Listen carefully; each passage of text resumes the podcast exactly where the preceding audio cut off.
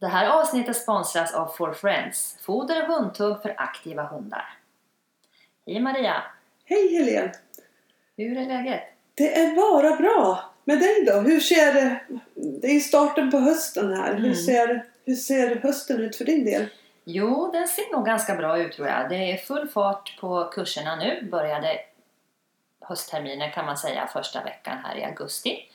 Så nu är det rätt mycket kvällskurser och helgkurser. Och sen är det några gästinstruktörer som kommer till High Five här under, under hösten. Bland annat Karin Lån som ska ha en kurs i eh, uppletande. Ja. Och sen har vi Tobias som kommer som ska ha lekutveckling två dagar. Och sen kommer Lena Kärje som ska hålla i lite brukslydnad. Så eh, det ska, ja, spännande höst Ja, det är faktiskt. väldigt kul. Det är väl en, en kul bieffekt av hallen för, för din egen del också. Att det kommer in lite gästinstruktörer så att du kan eh, hänga med och lyssna. Ja, och, och... precis. Det är ju, det är ju en bonus Ja. kan man ju säga. Ja men det är Absolut. det ju. Även om du har mycket fix och don vet jag ju när det, när det är externa, eller när det är externa instruktörer så, så är det ju ändå Ja, det, det, det är jätte, jätteroligt verkligen. Eh, och egen träning, ja. Det är ju, eh, har ju blivit lite mer bruks för min del då, även om lydnaden fortfarande är i, i centrum, framförallt med, med Swish då, den yngsta hunden. Men Smiley, eh, som ju är tre, nu har ju fått börja träna lite bruksmoment och ska väl starta spår här framöver. Så ja, det känns jättekul. Har ni sett ut någon tävling? Nej, vi har inte gjort det. Vi har eh, kikat lite grann under hösten men beslutat oss för att vänta tills i vår. Men fortsätta att träna på eh, inför de lite högre klasserna.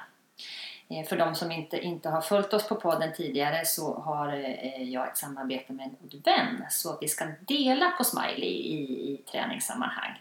Så Ja. hon ska köra brukset med honom och Eh, Det blir ju givetvis så att jag kommer att träna framförallt då lydnadsdelen med honom en hel del. Medan hon kanske kommer att fokusera lite mer på skogsarbetet.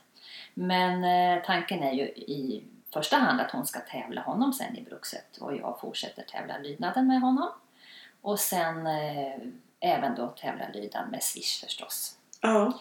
Så eh, det blir nog eh, full fart, tror jag. Det blir en spännande höst. Ja, verkligen.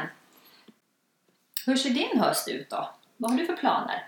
Eh, ja, det är väl lite samma sak där. Det är väl eh, lite kurser på gång. Saker och ting börjar ju hända nu efter coronatider. Mm. Även om det fortfarande är väldigt speciellt så, så är det ju en hel del saker som ändå rullar igång igen. Har det blivit mycket externa kurser? Jag tänker utomlands och så som du har fått ställa in.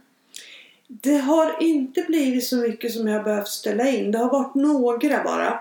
Därför att eh, jag hade inte så mycket inbokat den här perioden. Nej. Jag hade ju tänkt att både våren och så första delen av hösten här skulle vara ganska så ledig. Så det var ganska tomt i almanackan. Vilket på sätt och vis var ganska... Ja, det är ju faktiskt ganska ovanligt.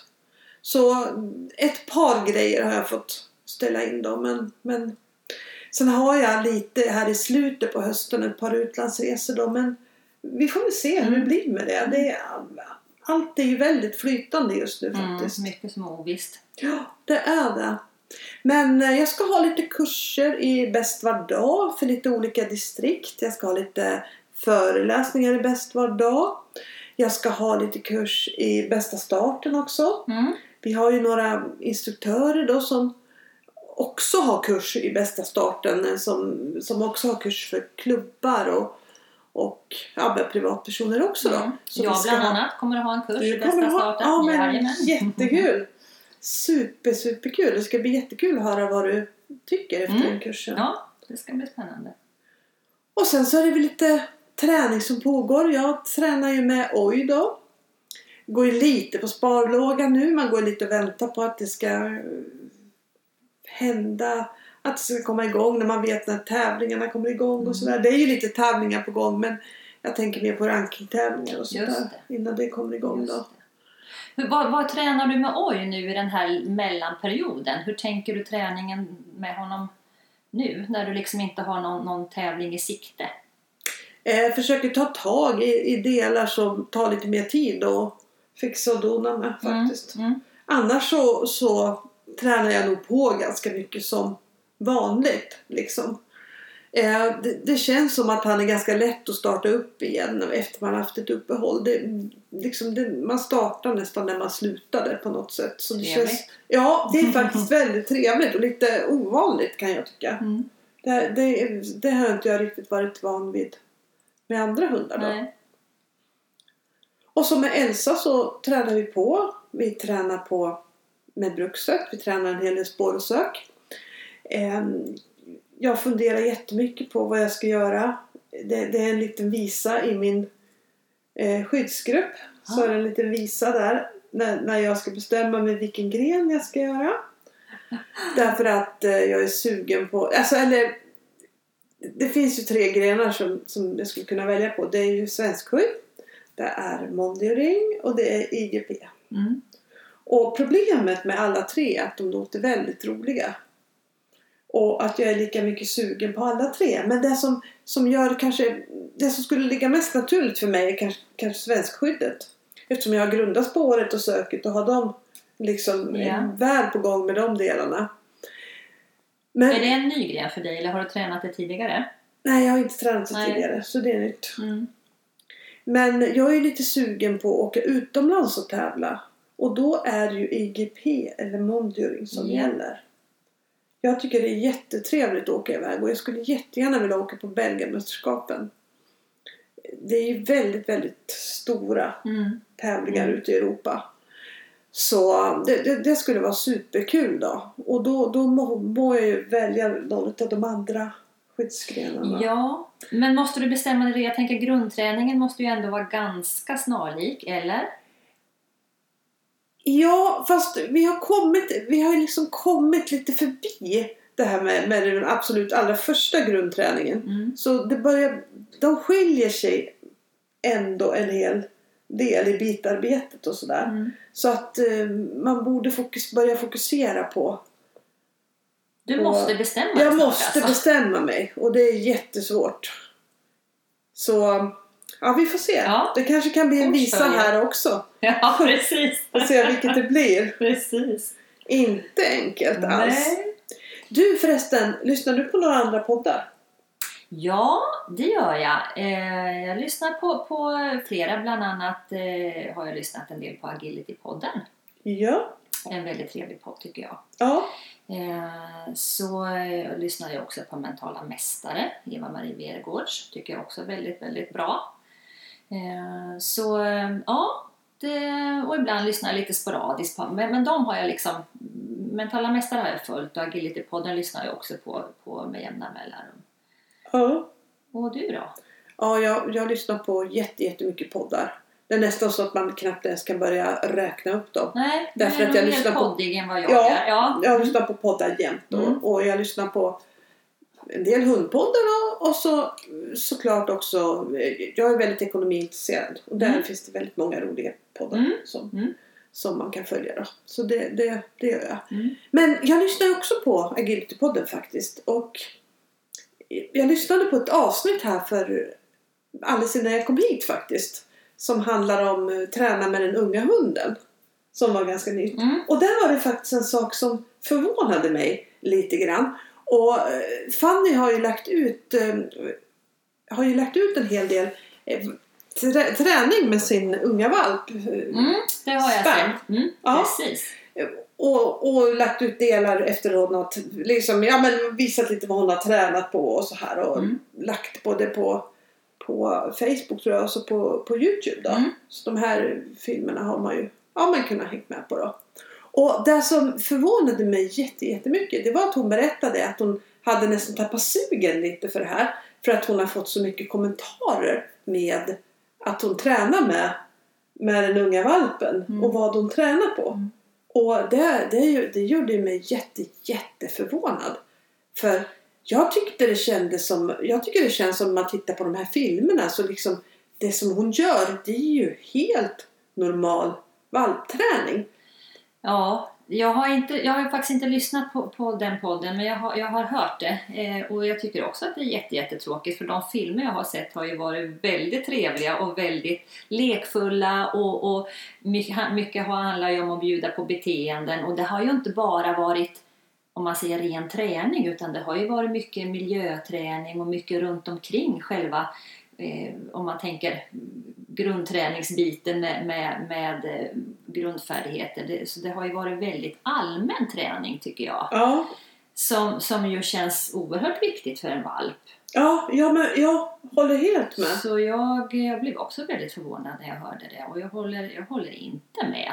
Nej, nej, inte jag heller. Jag tycker det är väldigt inspirerande och motiverande eh, att se någon som tränar och bygger upp en liten valp från starten. Och, och, och mm, jag håller ju med naturligtvis så ska man inte göra saker som frestar på valpen liksom för mycket. Det skulle jag säga. Men, men det har det ju definitivt inte varit på någon film. Nej, och jag tror valpar överlag mår väldigt bra av att röra på sig. Sen ska man ju inte överanstränga valpen på olika sätt. Nej, nej. Eh, Och det pratar de ju mycket om i den här podden också faktiskt om det här vikten av att valpen ska få röra sig. Och jag håller helt med om det. Mm. Alltså, jag, jag, jag tycker det är jättekonstigt när man säger att valpar inte ska om det är någon hundras som inte ska röra sig då, då undrar jag hur sund den här hunden är i botten. Mm. Om den inte kan röra sig som Mm. valp. Mm. Sen menar jag inte att motionera och träna Nej, så, men, men en liksom kunna röra, vara med ute och gå skogspromenader och bygga upp muskler och bygga upp leder och alltihop det här då. Ja, jag hoppas att det kommer fler filmer från Fanny för jag tycker att de har varit väldigt inspirerande att titta Ja, på. ja, men det tror jag att det kommer Ja. att göra. Det tror jag också. Vi ska ju prata lite grann om fokus idag. Det ska vi göra. Mm. Eh, och då, jag ställer en fråga till dig först. Okej. Om du har ordet fokus i hundträningssammanhang, vad tänker du på då? Vad innebär fokus för dig? Fokus för mig innebär att hunden är 100% inriktad på det som den ska göra precis just då. Mm. Det skulle jag vilja säga fokus. Mm, mm. Vad tänker du? Ja, jag tänker också det. Jag tänker ju också givetvis mycket på hundförarfokus eftersom jag är intresserad av den mentala eh, biten ho- hos, eh, hos hundföraren. Att, att kunna ha ett eget fokus. Vi kräver ju, eller kräver, men, men vi, vi vill ju gärna att våra hundar ska ha ett högt fokus. Men är kanske inte alltid lika noga med vårt eget fokus. Var befinner det sig? Är vi 100% fokuserade på det vi gör? Eh, Så att jag tänker, eh, jag tänker mycket förare också, Ja, håller helt med. faktiskt. Håller helt med. Va- varför är det viktigt med fokus då? att det är ofta det tror jag som är sk- skillnaden med, mellan, om man, mellan att lyckas och inte lyckas. För om hunden har fokus och är inriktad på det den ska göra så är det mycket lättare att den gör, då är det större chans att den gör det den ska. Eh, och sen så, så tänker jag också att det ser väldigt snyggt ut om hunden är riktigt fokuserad. Och det, det här tänker jag i alla delar liksom. En hund som blåspringer till exempel till rutan. Som springer som en idiot till rutan utan att ha en riktig målmed, målmed, målmedvetenhet i Mm. det här. Tycker jag inte ser jättesnyggt ut. Men en hund som springer jättesnabbt och vet exakt vad den håller på med. Mm. Det tycker jag är snyggt. Mm. Och, och det, det här är ju inte rätt och fel men min idealbild det är att hunden hela tiden liksom är riktigt, riktigt inne i vad det ska göra. Mm. Och, och, och jag håller helt med om det du sa att det gäller ju för oss själva också. Ja, för att om vi själva inte riktigt vet vad, vad vi gör, då blir det väldigt svårt att förklara för hunden vad den ska göra. Absolut. Så, och jag kan också uppleva att vissa hundar har naturligt ganska lätt för fokus. Eh, medan man får träna desto mer med andra. Och sen kan det vara vissa hundar som har lätt för fokus när det gäller närarbetet. Att de har lätt att fokusera till exempel i, i ett fritt följ. Har kanske svårare att jobba bort från föraren. Att ha svårare att ha fokus eh, på avstånd. Så det är ju också någonting som man får se lite grann. Vad, vad har min hund lätt respektive svårt för när det gäller just de här bitarna? Och kanske lägga lite extra energi just där. Men jag tror att de flesta håller med om att, att visst, alla vill väl ha en fokuserad hund. Men hur kommer man dit? Hur lägger man upp träningen? Alltså hur tänker man från början med, med, med hunden för att den ska lära sig det här? Eh, ja, då, då kommer vi, till, tycker jag, fortfarande till, två aspekter. Ett, du själv och sen din hund. Ja. Och jag tror att vi ska kanske retweeta lite, även om inte det här är tweet riktigt.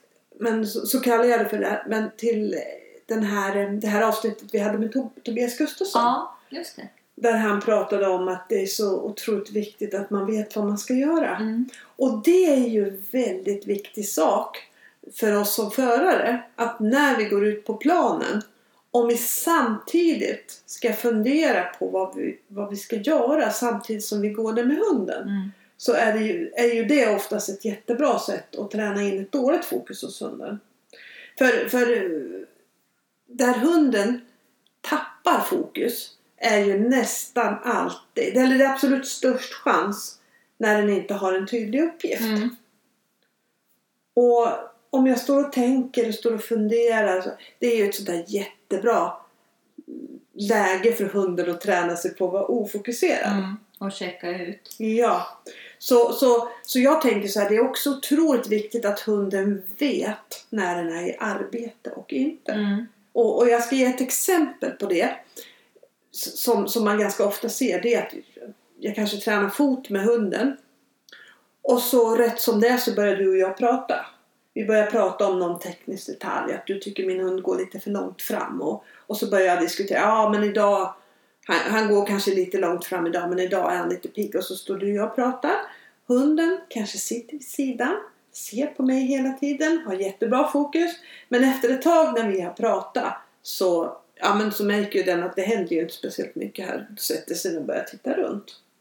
Och då tränar den ju faktiskt på att tappa fokus. Och jag tränar ju hunden på att det är inte viktigt att hålla fokus. För rätt som det är så kan du släppa fokus. För det är precis det jag själv gör också då. Så där tror jag att det är så otroligt viktigt att det är tydligt för hunden när den ska när, när den ska vara på och när den ska vara av. Hur gör du när du pausar din hund i ett sånt läge? då? Om, om vi säger att det bara är en kort paus, du ska prata med din träningskompis. Ja, då, men, men äldre, mer erfaren hund så lägger jag ofta hunden ner bara och säger att det är nu slut. Mm. Eh, med en valp så håller jag en halsbandet eller om, men, om den är lite bitter så brukar jag faktiskt bara ta upp den och hålla den, Mm. hålla den i famnen så Mm. länge. Mm. Så att det ska bli liksom tydligt att det är en paus. Mm. Men, men om man ska sammanfatta det här så ett, Vet vad du ska göra i varje sekvens av, av, av träningspasset. Två, Se till att du själv alltid håller det fokuset som du vill att din hund ska ha. Absolut, jag håller med dig. Tror du att man tränar för långa pass generellt? Alltså att, att man, man håller på för länge Ja. utan att pausa? Mm, jag tror det. Mm. Och framförallt att man håller på för länge med, med att man inte riktigt vet Nej, vad, vad, vad man håller på med och vad man tränar på. Absolut, utan, utan en bra plan. Så, så Ja, och en bra plan B tänker jag också. För att det här handlar ju om... om man, man ser ju ofta, och där har man väl själv hamnat också ibland, ett exempel när man går, går ett, eh, ett fritt följ, en följsamhet med sin hund och sen känner man att ah, det är någonting som inte riktigt, min hund är lite för på eller den är lite för ofokuserad. Eller jag börjar fundera, åh, är han med riktigt nu? Och man börjar tänka medan man går. Eh, Istället för att alltså man börjar analysera i träningen ja, istället för att agera. Och om jag istället då, om jag känner att min hund börjar ligga på eller, eller vad, vad, vad det nu är som sker, gör något konkret åt det. Jag påminner min hund om att nej men här är positionen, här ska du vara. Eh, istället för att gå och tänka. Då, då, då gör jag ju någonting istället för att, att gå och fundera. För att gå och fundera, det, det känner, alltså våra hundar känner ju var vi har vårt fokus någonstans. absolut. Eh, och det Absolut. går liksom inte att lura dem där. Så att börjar jag fundera, då kommer med största sannolikhet min hund också börja fundera. Eh, och sen är vi två stycken som går och funderar på vad den andra egentligen funderar det- på. Ja, och ja. det är inget bra. Nej, det är inget bra. Så att man kanske då har en, en plan för att om min hund, om det här händer, vad gör jag då? Och vet man inte exakt, för kan, man kan ju hamna i situationer där man känner att ah, nu vet jag inte riktigt hur jag ska, mm, vad jag ska göra. Att man då har kanske ett slutkommando eller att man helt enkelt bara bryter och pausar hunden så att man får chans att, att liksom tänka till lite grann kring det här. Ja. Det tror jag också är jätte, jätteviktigt. En annan sån situation där man ofta upplever att det blir en, en slags gråzon, det är ju när en belöning försvinner. Ja. Exempelvis när man plockar, man har lekt med hunden och man ska plocka undan leksaken. Kanske stoppa den i ryggfickan. Eh, och vad gör man då? Jo, då kanske man tar tillfället i akt och börjar tänka lite på, jaha, vad ska jag göra nu? Eh, och det här lär sig ju hunden väldigt, väldigt snabbt att där har den ingen uppgift. Och där är inte vi mentalt fokuserade heller. Och då finns det ju heller ingen anledning för hunden att vara det. Nej. Så det, det, där har man ju ett, ett det blir ganska tydligt att, Ja. att där, där, där checkar hunden ofta ut. Och många hundar lär sig ju det Ja. att, att det tar ganska lång tid mellan att, att när en belöning försvinner till nästa kommer. Ja. Att det tar ganska lång tid däremellan. Mm. Och det är ju också sådär, ja det är ju ett typiskt ställe Mm. där hunden lätt tappar fokus. Mm. Och jag tror många tänker att det här med fokus och hög koncentration det har mest med tävling att göra. Då ska man vara riktigt fokuserad. Då ska hunden vara fokuserad. Och man själv ska vara fokuserad. Men det blir väldigt svårt om man inte är det i träningen. För det, blir, för det första blir det ju väldigt svårt för hunden. För det blir en skillnad. Det blir en jättestor skillnad. Och sen har man ju själv inte tränat sig på att vara riktigt. Det är många som säger den här bubblan, hur hittar jag den? Ja, den är ju väldigt svår att hitta på tävling Ja. om man inte kan hitta den på träning. Ja, nej det är, helt, det är helt sant. Det är väldigt, väldigt svårt. Det tror jag är väldigt få som klarar det faktiskt. Att hitta en bubbla på tävling Ja. om man aldrig är det på träning. Nej. Liksom. Det, det är Nej, det är tufft. jätte, jätte, jättesvårt. Och, och um, någonting som många har problem med det är ju de här sekunderna innan du ska gå in på en tävling. Mm. Eh, när, när du står och väntar utanför. Om du frågar mig så tycker jag att det är det värsta som finns i en tävling. Varje gång jag står där då, då, då funderar jag på att börja samla frimärken. Okej. Sen vet jag att det kommer att gå bra när jag väl får gå in. Ja, Därför att då har jag mina uppgifter och då är det mycket lättare. ja. Men just det där lilla vakuumet Mm. innan man får gå in. Men har du någon uppgift där själv? Har du någon uppgift medan du står och väntar? Jag har... Jag har... Den uppgift jag har det är eh, vad hunden ska göra. Ja. Kan man säga. Ja. Jag har ju lite olika rutiner för vad hundarna ska göra. Mm. Jag, jag tränar alltid in en startrutin som jag gör sekunderna innan jag ska gå in. Ja. Och det gör jag alltid, alltid, alltid på, på träning också. Så det är min signal till hunden. Nu startar vi, nu går vi in på plan. Ja. Och den här vill jag att hunden ska känna igen jätteväl. Och ja, så, så, så det är egentligen det. Det är egentligen det som jag gör Mm. För att få hunden med mig. Och det För är att- lite olika på olika hundar? Ja, eller? det är olika på ja, olika Och det har du testat dig fram på? Oj ja. ja! Det har hunden gjort hundratals Mm. gånger på träning. Men har du, har du liksom testat olika varianter på dem och känt att ah, det här funkar inte riktigt bra på den här hunden så här Mm. får jag ändra? Ja, Mm. det har jag. Mm. Eh, oj till exempel. Som en sån hund som gärna, om du står och väntar utanför, som gärna följer med på vad som händer innan. Går ut i miljön och tittar? Ja. ja. Och det, en, en border collie som har lätt för att spana ut, det vill du inte att den ska göra. Så han låter jag nästan alltid bara hänga i en leksak. Han hänger i en leksak. Eh, en bit ifrån plan på ett ställe där det inte stör. Nej. Kan jag smita bakom någonting eller något sånt där så gör jag det. Och så hänger han i en leksak. Mm. Och sen tar jag den och så gör jag en rörelse som att jag stoppar den under armen. Det är inte för att lura honom eller något sånt utan det är någonting bara som jag alltid gör. Och sen går vi in. ja. Och det passar ju honom jätte, jättebra för man behöver hålla honom lite upptagen innan. Så att han inte följer med på det som sker runt omkring. Det. För det som ofta sker när man står och väntar utanför. Om hunden tappar lite fokus och börjar titta på andra saker så blir man stressad. Mm. Och vad händer när man blir stressad? Jo, man, bara, börjar, man blir tjatig. Och vad händer när man blir tjatig? Hunden checkar ut totalt.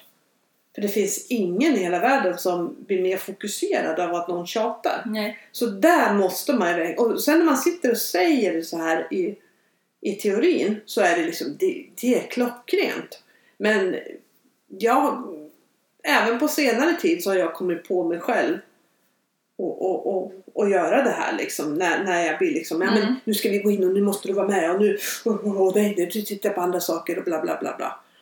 Och, och, så där vill jag verkligen komma ifrån så att jag aldrig någonsin ska hamna i det. Nej. Så därför den här Precis. start...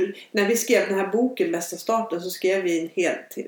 Vi har skrivit ett helt kapitel om det. Mm. Därför att det är en så otroligt bra och viktig sak att ha med sig. Och det är också hundens... Ja, jag skulle vilja säga att det är hundens autostrada till ett bra fokus. Ja, Då vet hunden, efter den där rutinen, då, då kör vi. då kör vi. Ja. Jag håller med. Jätte, jätteviktigt. Jag tänker också, jag tänker som du, jag har, har lite olika startrutiner eller vad man ska säga sekunderna innan på, på, på hundarna, även om de är snarlika, men, men det skiljer sig lite. Vad gör du då? Ja, med, med, med Smiley som har väldigt, som, som du beskriver, oj, ganska lätt för att, att gå ut i miljön och, och dessutom fastna där i och med att han har rätt mycket aj. Han sitter strax bakom min rygg Ja. eh, och eh, jag står framför honom och tittar ut mot planen. Och där står jag eh, med händerna i, i sidorna i en liten power pose där jag känner att jag vill ta in planen. Jag vill liksom boosta mig med energi där. Eh, det här med power poses det, det är, ju, är ju då olika sätt att stå eller röra sig för att eh, få den energi som man känner att man vill ha just där och då. Mm. Eh, Så jag står med händerna i sidorna och liksom tar in planen och tänker att nu ska vi göra entré tillsammans. Ja. Så tänker jag. Eh, och sen när tävlingsledaren kommer då vänder jag mig om mot honom. Han sitter ju precis bakom mig och sen säger jag nu kör vi. Och helst vill jag i det läget att han ska sitta och fokusera på min ryggtavla och det har vi också tränat på att han ska göra. Men jag inser ju också att det kommer att finnas situationer när han inte tittar på min rygg utan han tittar på andra saker som händer runt planen. Så jag har även tränat på att jag ska kunna snabbt bryta honom i den tanken genom att belöna upp att han kan från att vara ute i miljön och titta snabbt refokusera och titta på mig och gå in på planen. Så har, där har jag en liten plan B att ta till. Ja. Även om jag helst vill. Jag har liksom belönar och förstärker att han sitter bakom och tittar upp mot min rygg. Men, men som sagt, en liten plan B där, det, det, känns, det känns tryggt att ha. Ja. Ja. Eh, och Swish, eh, som också har lätt att gå ut i miljön men av andra skäl, mer av nyfikenhet och för att det är ja, lite mer reaktiv så. Eh, han sitter framför mig och tittar upp mot mig. Och sen så eh, säger jag samma sak till honom, nu kör vi. Och sen får han göra en ingång till sidan. Mm. Och sen går vi. Och sen går vi. Ja. Ja. Så det är ungefär samma, även om det skiljer sig lite åt. Ja. Eh, och det här tänker jag också, precis som du, att träna på i princip varenda träningspass. Ja. För då lär jag mig också, dels, dels får ju hunden och jag själv mycket träning, det här blir ett automatiserat beteende nästan. Och jag lär mig också hur jag ska hantera de, hunden och mig själv de gånger när det inte känns optimalt. Ja. Ja, När hunden blir störd eh, eller att det händer saker som, liksom, som påverkar oss på, på ett negativt sätt. Hur kan jag snabbt fokusera om och ta tillbaka mitt eget fokus i det läget? Eh, det, det är minst lika viktigt tycker jag för att, att om man alltid tränar i optimala situationer då, då blir det väldigt svårt när man hamnar i en situation eh, som man inte kan påverka. Som Ja. inte liksom känns, nej det här känslan vill jag inte ha. Och har jag då inte tränat på hur jag ska kunna få bort den och ersätta den med en annan, då blir det svårt. Speciellt om man då befinner sig i skarpt läge på tävling. Exakt, och det här tror jag, jag... Jag dömde en startklass för inte allt för länge sedan här. Och då såg man var vi var i hallen så Mm. man såg och halva hallen var tävlingsplan och andra halvan av hallen fick du utnyttja som lite uppvärmningsplan. Eh, så, så när ekipaget före dig gick in på plan då fick du gå in på den här första Okej. planen Mm. och vara där lite grann. Och det tycker jag var ett bra upplägg. Och speciellt för startklass, att man har fått kommit in och varit där lite grann på planen innan man ska gå in. För det, det är ju för unga hundar som inte har varit jättemycket inomhus så brukar det vara lite klurigt. Mm. Så det, det, det var bra och då kunde jag i princip följa alla mer eller mindre. För det var lite tid mellan varje hund och de hämtade protokollen och sådär. Och då kunde man i princip följa vad som hände där från, från att de var på den här egna planen och till de skulle gå över och in på min plan. Och det var väldigt, väldigt många som hade jättemycket problem med att få hunden i fokus där. Också där igen, för att det inte fanns något tydligt som hunden skulle göra tror jag. Det, liksom, det, det, det, där jag hade velat liksom... Det jag tror att många hade behövt var en ganska en väl in, inarbetad startrutin som hunden har varit med på och hunden har förstått. För då är det mycket lättare att få den fokuserad Mm. än att få den att fokusera utan egentligen att ha några liksom riktigt tydliga ramar. Absolut. Och, och det, här kanske, det här kanske är ju som allra viktigaste med en ung hund på de allra första tävlingarna som du gör. För det, det kanske är då som hunden behöver som absolut allra mest stöd. igen. Stöd och hjälp ja. Ja. Alltså då hade jag verkligen önskat liksom, åh, jag, jag kände med så många då som hade så svårt att få med sig sina hundar. Och, och jag förstår att läget blir lite lätt desperat då. För du, när du blir inropad då ska du ju komma in. Och får du inte hunden med dig in på ett bra sätt och, och in i startposition då är det ju väldigt tufft att starta liksom. Ja, och där tror jag också man ibland gör lite, lite fel. Eller ja, det finns alternativ i alla fall. Om nu hunden inte är med när man tränar, tänker jag. Ja, Eh, man kanske inte varje gång ska bryta och göra om för att lyckas på gång två. Utan faktiskt ibland träna. Finns det något sätt jag faktiskt kan bryta hundens tanke på att nosa? Eller bryta hundens tanke på att titta på den andra hunden där borta och ändå få med mig min hund fram till startpunkten. Att man liksom lägger upp träningen så att, att man, man inte alltid bäddar för det mest optimala. Utan att man faktiskt tränar sig på att, att kunna, vad ska man säga, kavla upp ärmarna och, och jobba sig igenom den här lilla svårigheten för att ändå kunna få med sig sin hund fram till startpunkten och starta. ja, Är du med på vad jag tänker? ja, absolut. Det här med plan B som sagt. Plan B. Om det inte känns helt bra kan jag ändå på något sätt eh, ja, få med min hund och göra det bästa möjliga och, och få den att, få, att fokusera på startpunkten så att vi kan börja vår följsamhet till exempel. Och det är ju också någonting tycker jag som man behöver träna sig på. Både sig själv och sin hund. Absolut. Kunna tänka om. Eh, mellan momenten då? Ja, mellan momenten och uppställningar. Det kanske är de två viktigaste delarna för att få till ett bra tävlingsprogram. För det återkommer ju så många gånger i ett program. Mm. Så har du någon issue med uppställningar eller med transporter eller att hunden inte är van att göra det här, att den inte är tränad på att göra transporter och uppställningar då, då är det jättesvårt att få till bra moment. Mm. Så jag, jag tror för att få till det på tävling så måste man vara lika duktig på att veta vad man vill att hunden ska göra på startpunkter och mellanmoment. Mm. Och så får man också kanske bestämma sig vilken typ av fokus man vill att hunden ska ligga i, i de delarna också.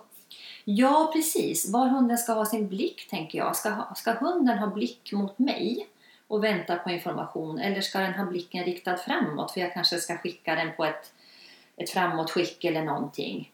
Och att man verkligen tränar på det, för det är ju en väldigt stor skillnad. Det är en jättestor skillnad. Och, och där, där, när, när vi pratade om det här med fokus innan vi började spela in programmet Mm. så pratade vi lite om det här att det är ju väldigt, väldigt svårt att hålla fokus på någonting som man inte vet vad det ska vara. Nej, vi pratade just om det här fokus på avstånd.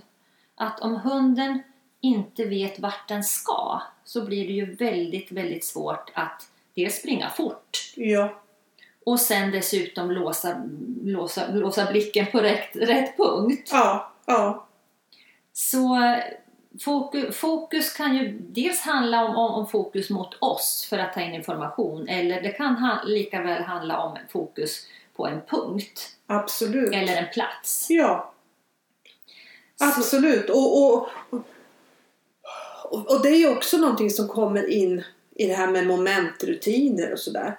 Att, att ju mer tydlig man kan vara som förare för att tala om för hunden vad som komma skall ju lättare för hunden att vara fokuserad och följa med på allting. Mm. Och det här är ju någonting som är väldigt, väldigt kul när man börjar prata om teamet människa-hund. För det är ju här vi verkligen ska samarbeta. För ju mer på plan du kan hjälpa din hund med vad den ska göra och vad som komma skall. Ju lättare kommer det att bli för din hund. Ett, att hålla fokus. Två, att göra det som du har tänkt.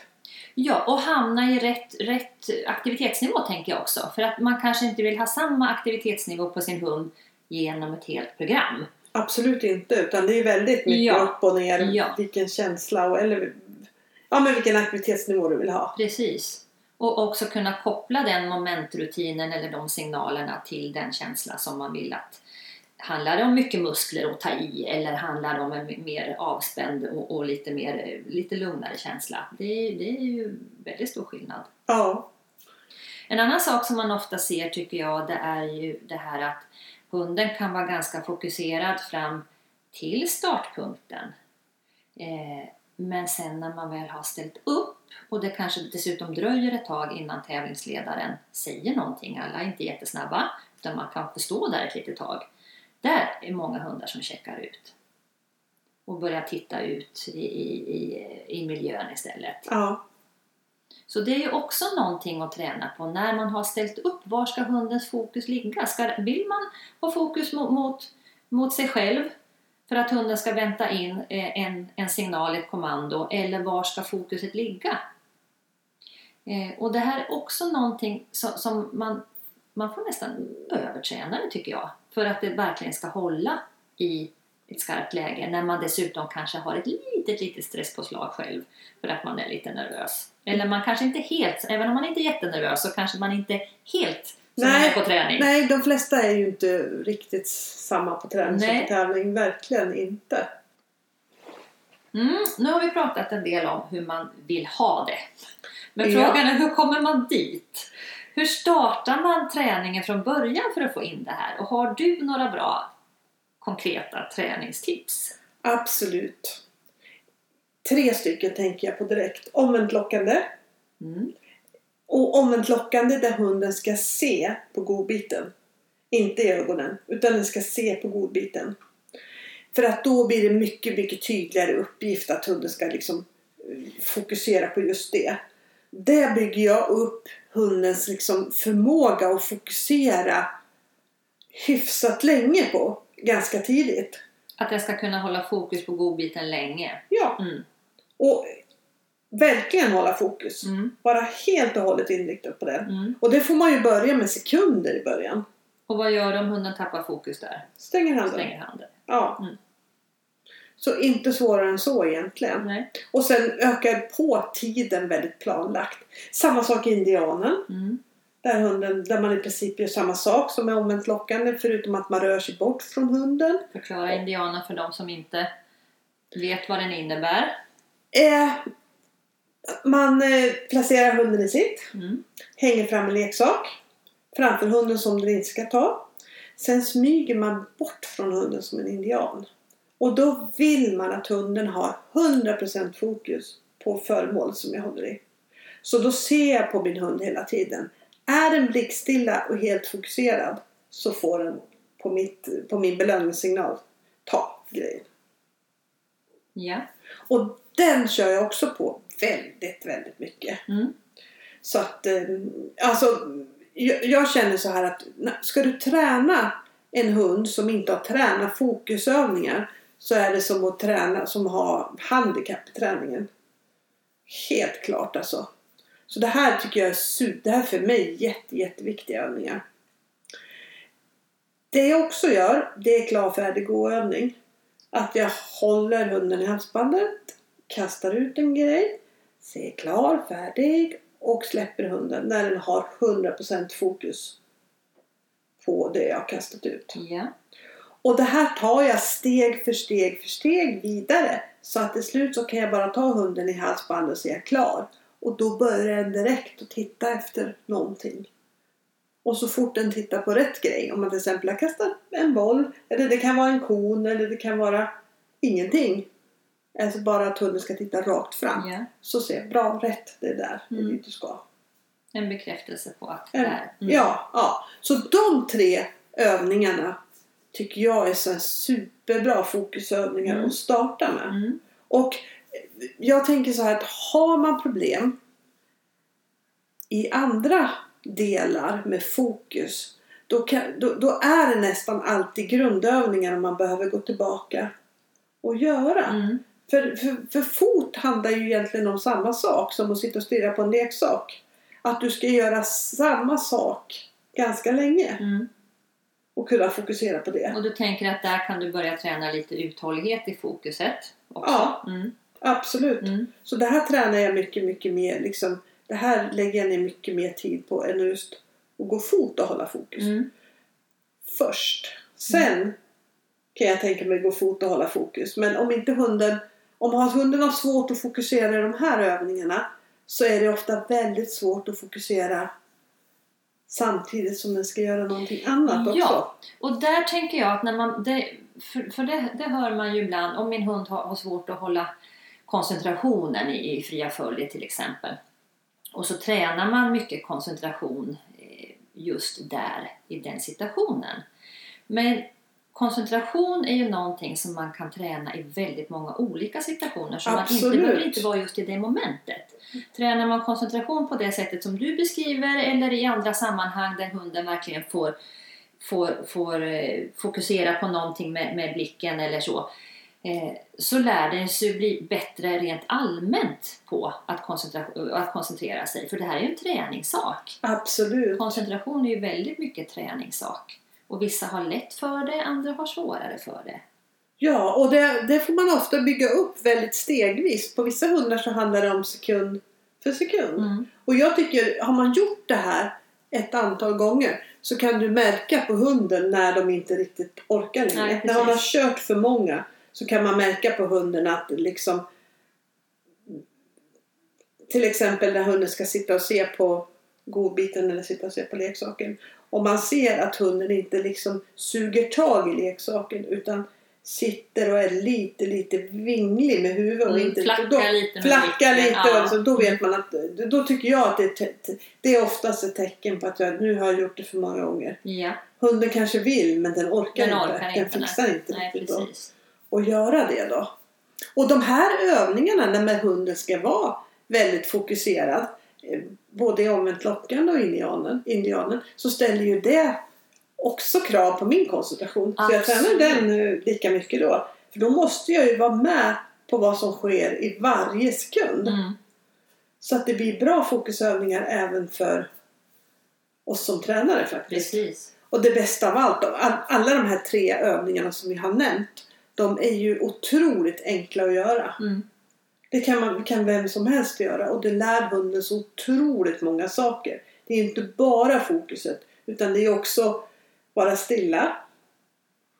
Och det är också om man låter hunden gå och ta godbiten eller när man låter hunden gå och ta leksaken på indianer så tränar man ju att gå från att vara stilla till att till fart. Explosivitet, ja precis. Så att det är ju också en sak som många behöver träna Mm. på. Så du, man får ju liksom Win-win. ja, Mm. träning på många saker Mm. samtidigt. Och också tänka på det att, att för det, det missar man ju ibland att, att just koncentrationsövningar kanske är det som hunden blir allra tröttast av. Mycket tröttare än och, och, eh, många springövningar. Absolut. Och man tycker att ah, vad, vad trött han blev nu då, eller vad, vad, vad orkar hon inte nu för? Men, men då kanske man som du säger har kört lite för länge fast man själv inte tycker det här borde väl inte vara så jobbigt. Men det är ju Sant. kanske just det som är jobbigt. Ja, och det är ju det. Ju högre fokus du vill att hunden ska gå i på träning och tävling, ju mera måste man ju tänka på hur, hur man lägger upp passerna till, till att börja med. Att, att de må vara lagom långa. Blir de, eh, blir de för långa, då kommer inte hunden att orka hålla Nej. fokus på det sättet. Och speciellt inte om man tränar med valpar. Så där får man ju tänka sig för väldigt mycket om man vill att valpen ska vara väldigt koncentrerad. Mm. Och jag vill att valpen ska vara väldigt koncentrerad från början. Mm. Men jag anpassar tiden väldigt, väldigt mycket då. Så att det kan ju bli... Ett pass kan vara mellan 20 60 sekunder. Det räcker gott och väl Mm. liksom. Och det kanske är det som valpen klarar. Ja, och som ger mest. Ja, absolut. Om man tittar på tävlingar så kan man ju ofta se att många hundar har som absolut allra bäst fokus i slutet på varje moment. Mm. Vad tänker du när jag säger det? Ja, jag håller fullständigt med och det kanske egentligen inte är så konstigt för att det är ju... För det första så är, kommer det nästan alltid en belöning där i slutet av ett moment. Hunden vet att det är slut. Ja, Eh, den väntar på sin belöning och sen efter belöningen så, så ja, då, då är det slut just, just där och då. Eh, så det är egentligen inte så konstigt att, att det ser ut så. Och där får man ju tänka till lite grann, i alla fall om man då vill försöka få ihop ett helt lydnadsprogram. Att lägga hundens förväntan, att sprida ut hundens förväntan och fokus under hela programmet och inte bara vid moment slut. Och också om man har, vissa hundar blir ju väldigt, eh, de, är, de, är ju, de får ju så hög förväntan så att den här sista delen, den här sista svängen in till sidan till föraren till exempel, den är inte så viktig för hunden har redan börjat tänka på vad den ska få istället för det Ja. den gör. Så den är liksom redan i mentalt, mentalt klar med momentet innan den har riktigt satt sig vid sidan. Eh, för att vi är också väldigt, väldigt snabba på att bryta och avsluta där. Så där kanske man ska tänka till lite grann. Det kanske inte alltid ska vara slut när hunden kommer in och sätter sig vid sidan. Vi kanske ska förlänga momentet, vi kanske ska gå ur position, ställa oss framför hunden medan hunden får sitta kvar till exempel. Eh, så att det inte liksom blir att, att i hundens hjärna så är momentet slut tidigare och tidigare. Eh, så den här sista lilla ingången till sidan det är bara något som man måste göra för att, För att få för att komma åt sin belöning. Och det här tycker jag är jätte, jättevanligt. Man ser inte minst med, med föremål, med apport till Ja. exempel. Hundarna börjar tugga eller släpper rapporten därför att den, den, den vet att ja, nu, nu är jag Nu klar. Ja, ja. ja. Så nej, fokus hela vägen där. Och där kan vi ju styra jättemycket med vårt eget sätt att agera. Och belöna såklart. Eller Ja. inte belöna. eller inte belöna. Ja, det är sant. Så, och det fokuset man, man ofta har där, det är ju det fokuset man annars skulle vilja ha genom hela programmet. Mm, Precis. Så där kan man ju tänka till lite grann. Hur, skulle man, hur kan man ändra det? Och det kan man ju som sagt göra ganska enkelt genom att tänka till. Ja, ja. Ja, det är precis så som du säger. Man kan se på de, de flesta hundarna väldigt tydligt var, vart de har sin belönings, Ja. vart de har belöningsförväntan. precis. Och det vill man få tävlingsprogrammen att se ännu snyggare ut så är det ju någonting som man ska försöka radera lite grann. Så att hunden har lika bra förväntan genom hela programmet. För då ser det absolut snyggast ut då. Ja, precis. Men det är väldigt klurigt för att det räcker ju att du ger lite för mycket belöning på ett ställe så Vilket är lätt att göra när man Ja. tränar ska ju också påpekas ja. förstås. utan tvekan. Mm. Okej, vi ska ta och sammanfatta det här. Hur skulle du sammanfatta det här vi har pratat om Helene? Oj, vi har pratat ganska länge tror jag om det här. Men eh, det är en viktig del så att det tål att eh, bollas tycker jag. Absolut. Ehm, om man ska försöka sammanfatta de här olika viktiga bitarna så är det ju kanske det allra viktigaste, att veta vad man ska göra. Man, att man har en, en plan för eh, hur, om man tänker ett helt träningspass, det blir ju flera, vad ska man säga, flera delar i ett träningspass. Ja, att man delar absolut. upp det. Ja. Eh, att jag vet precis vad jag ska göra när jag går in, men också att ha en plan B för om det inte ser ut eller känns precis som jag vill. Hur gör jag då? Ja. Det tycker jag är jätte, jätteviktigt. Och det här med plan B tänker jag, det ger en, en trygghet. Även om man inte, man vill ju inte behöva ta till plan B. Eh, helst inte. Men Nej. man vet ju att man kommer att behöva Ja. göra det vid, vid eh, olika tillfällen. Och, och då veta att vad jag ska göra i den situationen. Om hunden inte, om hunden gör si, då gör jag så. Ja. Om, och, om, och tänker den så här, då tänker jag så. Ja. Eh, det, det, det ger en trygghet tycker jag. Och, och förhoppningsvis då kanske, har jag den tryggheten själv så kanske det är så att det inte blir något fel. Därför att jag känner att jag har en, en, en fokus och en säkerhet i mig själv som gör att jag för över den på min hund. Så att den faktiskt klarar sina uppgifter betydligt bättre än om jag börjar fundera och tänka, åh tänk om det och det händer nu då, vad gör jag då? Ja. ja, man står där med skägget i brevlådan. Så veta vad man ska göra. Ha en plan B för om det inte går som jag har tänkt. Ehm, noga med inga gråzoner i träningen. Är det träning eller är det paus? Det finns liksom ingenting mitt emellan. Nej. Antingen är det 100% fokus eller så är det 100% paus. Ja. Ingenting däremellan. Och var tydlig med det så att hunden vet i vilket läge den befinner sig. Och också att ha tydliga uppgifter i träningen. Både för egen del och för hunden. Så att den vet vad som förväntas av den. Och man själv vet vad som förväntas av en som, som, som tränare. Det tycker jag är, nog så viktigt. Ja. Det här var en väldigt bra sammanfattning tycker jag. Tycker du det? Ja. Vad bra. Vad bra. Eh, ja, vi tackar för oss. Ja, det gör vi. Och ehm, på återhörande. På återhörande. Vi har en spännande höst här med ett antal gäster som kommer att hänga med oss här på podden och berätta om sina tankar och erfarenheter. Så vi rekommenderar verkligen att ni hänger med så mycket kul är på gång. Och det kommer mer frågepoddar här framöver ska vi också säga. För att vi får ganska mycket frågor. Eh, vilket är jättekul. Ja, Och vi ska försöka ta upp så många som vi bara hinner med och kan. det ska vi absolut göra. Så eh, fort följer. Tack för idag. Ja, tack för idag! Det här avsnittet sponsras av Four Friends. Bästa hundmaten och hundgodiset.